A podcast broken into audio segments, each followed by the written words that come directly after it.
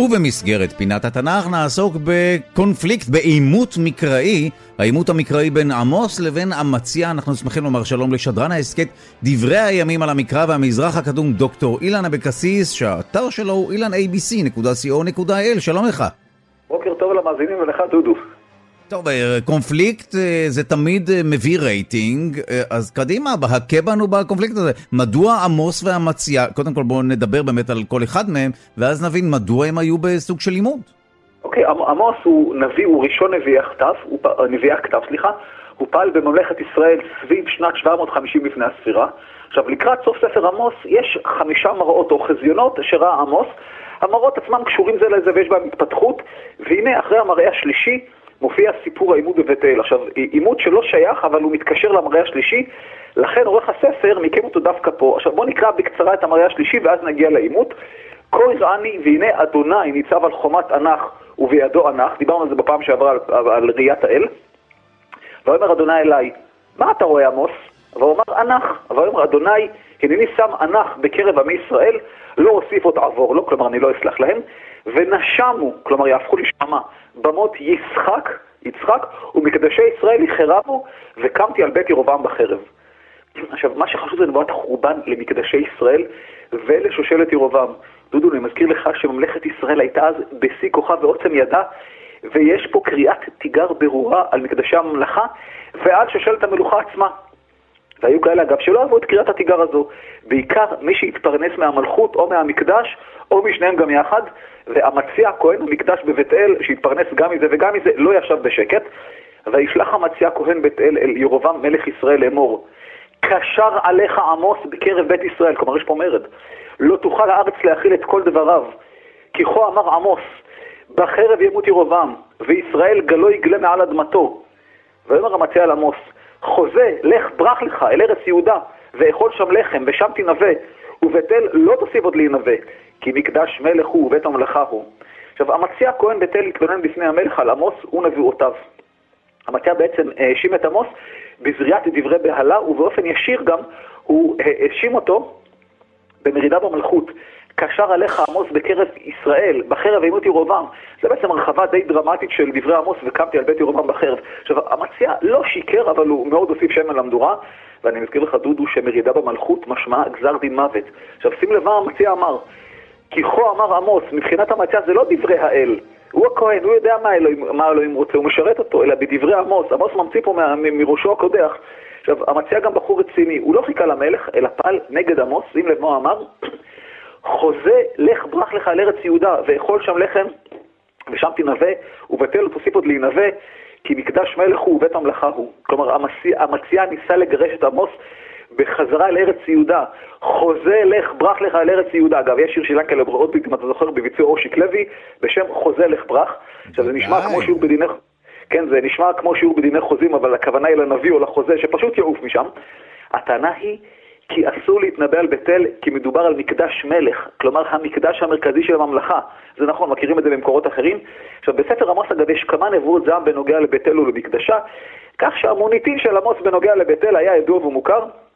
כן ברור מדוע אמציה כהן בית אל. אגב, מי שהתפרנס לא רע ממקדש בית אל, יצא בחשיבות דווקא נגד עמוס.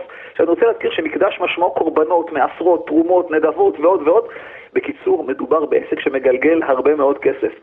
אבל לא בחור כעמוס ישתוק, ושים לב מה עמוס ענה לו.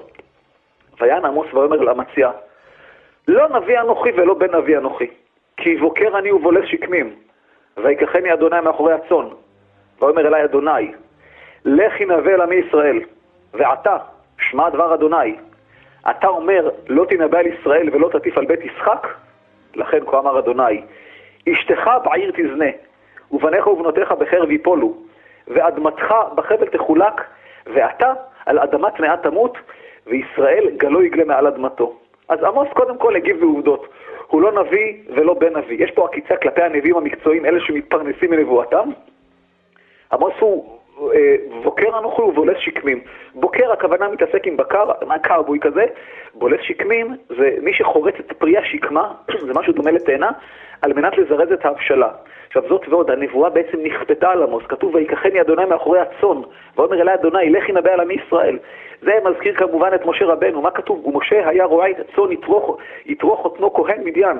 כלומר, משה היה רואה ואז אלוהים אה, שלף אותו מראיית הצאן בסנה ואז ההמשך ידוע. עכשיו, עמוס ציטט את האמציה, שציטט אותו ואמר, ועתה שמע דבר אדוני, אתה אומר לא תנבא על ישראל ולא תטיף על בית ישחק. והנה עונש, יש פה עונש מחומש לאמציה. יש אה, ארבעה עונשים אישיים ואחד כללי לעם. אחד, אשתך בעיר תזנה. ושתיים, בניך ובנותיך בחרב ייפולו. שלוש, אדמתך בחבל תחולק. ארבע, ואתה על אדמה טמאה תמות. וחמש, וישראל לא יגלה אה, מעל אדמתו. העונש הראשון, אשתך בעיר תזנה, הכוונה לצורך פרנסה, יש פה פגיעה כפולה באמציה, גם כבעל שאשתו זונה תחתיו וגם ככהן. אני מזכיר את, את החוק המקראי בספר ויקרא, הנוגע לכהנים, מה כתוב? אישה זונה וחללה לא ייקחו, ואיש, אה, ואיש גרושה מאישה לא ייקחו. כי קודש הוא לאלוהיו, כלומר, גם וגם, משני הצדדים המציע נפגע, השני הוא בניך ובנותיך בחרב ייפולו, אה, הבנים של אה, אה, ימותו בחרב, ואדמתך בחבל תחולק, בעצם אחוזת המציע תחולק בין האויבים שהשתמשו בחבל מדידה, ואתה על אדמת מעט תמות, כלומר על אדמת נכר, שם לא ניתן לעבוד את אדוני, זו תפיסה שהשתנתה אחרי חורבן בית ראשון, וישראל גלו יגלה מעל אדמתו, עונש גלות לעם, כלומר גורל המציע וגורל העם שלובים זה בזה. עכשיו, העימות הזה, העימות הזה מזכיר גם את ירמיהו, שגם מבעל מקדש ירושלים, וגם שם לא אהבו את מה ששמעו. עכשיו, לסיום דודו, יש פה עימות פרטי שהוא חלק ממאבק נרחב. בימי בית ראשון בעצם היה מאבק משולש בשאלה מי הכי מייצג את אלוהים. כולם מייצגים, אבל השאלה מי? האם המלך שהוא בכיר האל, האם הוא משיח האל? האם הנביא שמדבר בשם האל? או האם הכהן שמשרת אותו? כולם כמובן, אבל השאלה מי הכי הכי? עכשיו, כל אחד מקודקודי המשולש נאבק בשניים האחרים. למשל, יש לנו את אליהו הנביא מול אחאב המלך, או יואש המלך, מלך יהודה נגד יהוידע הכהן, או אמוץ הנביא נגד אמציה. אתה יודע, וכמו במזרח התיכון, האויב של אתמול הוא בעל הברית של מחר ולהפך. אגב, בימי בית שני, המאבק הזה הוכרע. לא היה מלך מבית דוד. הנבואה פסקה במהלך התקופה הפרסית, ורק הכהנים נותרו כנציגי האל. אפילו כשקמה שושלת מלוכה, בית חשמונאי, הרי מלכי בית חשמונאי היו קודם כל כהנים, והמלוכה הייתה תפלה לכהונה.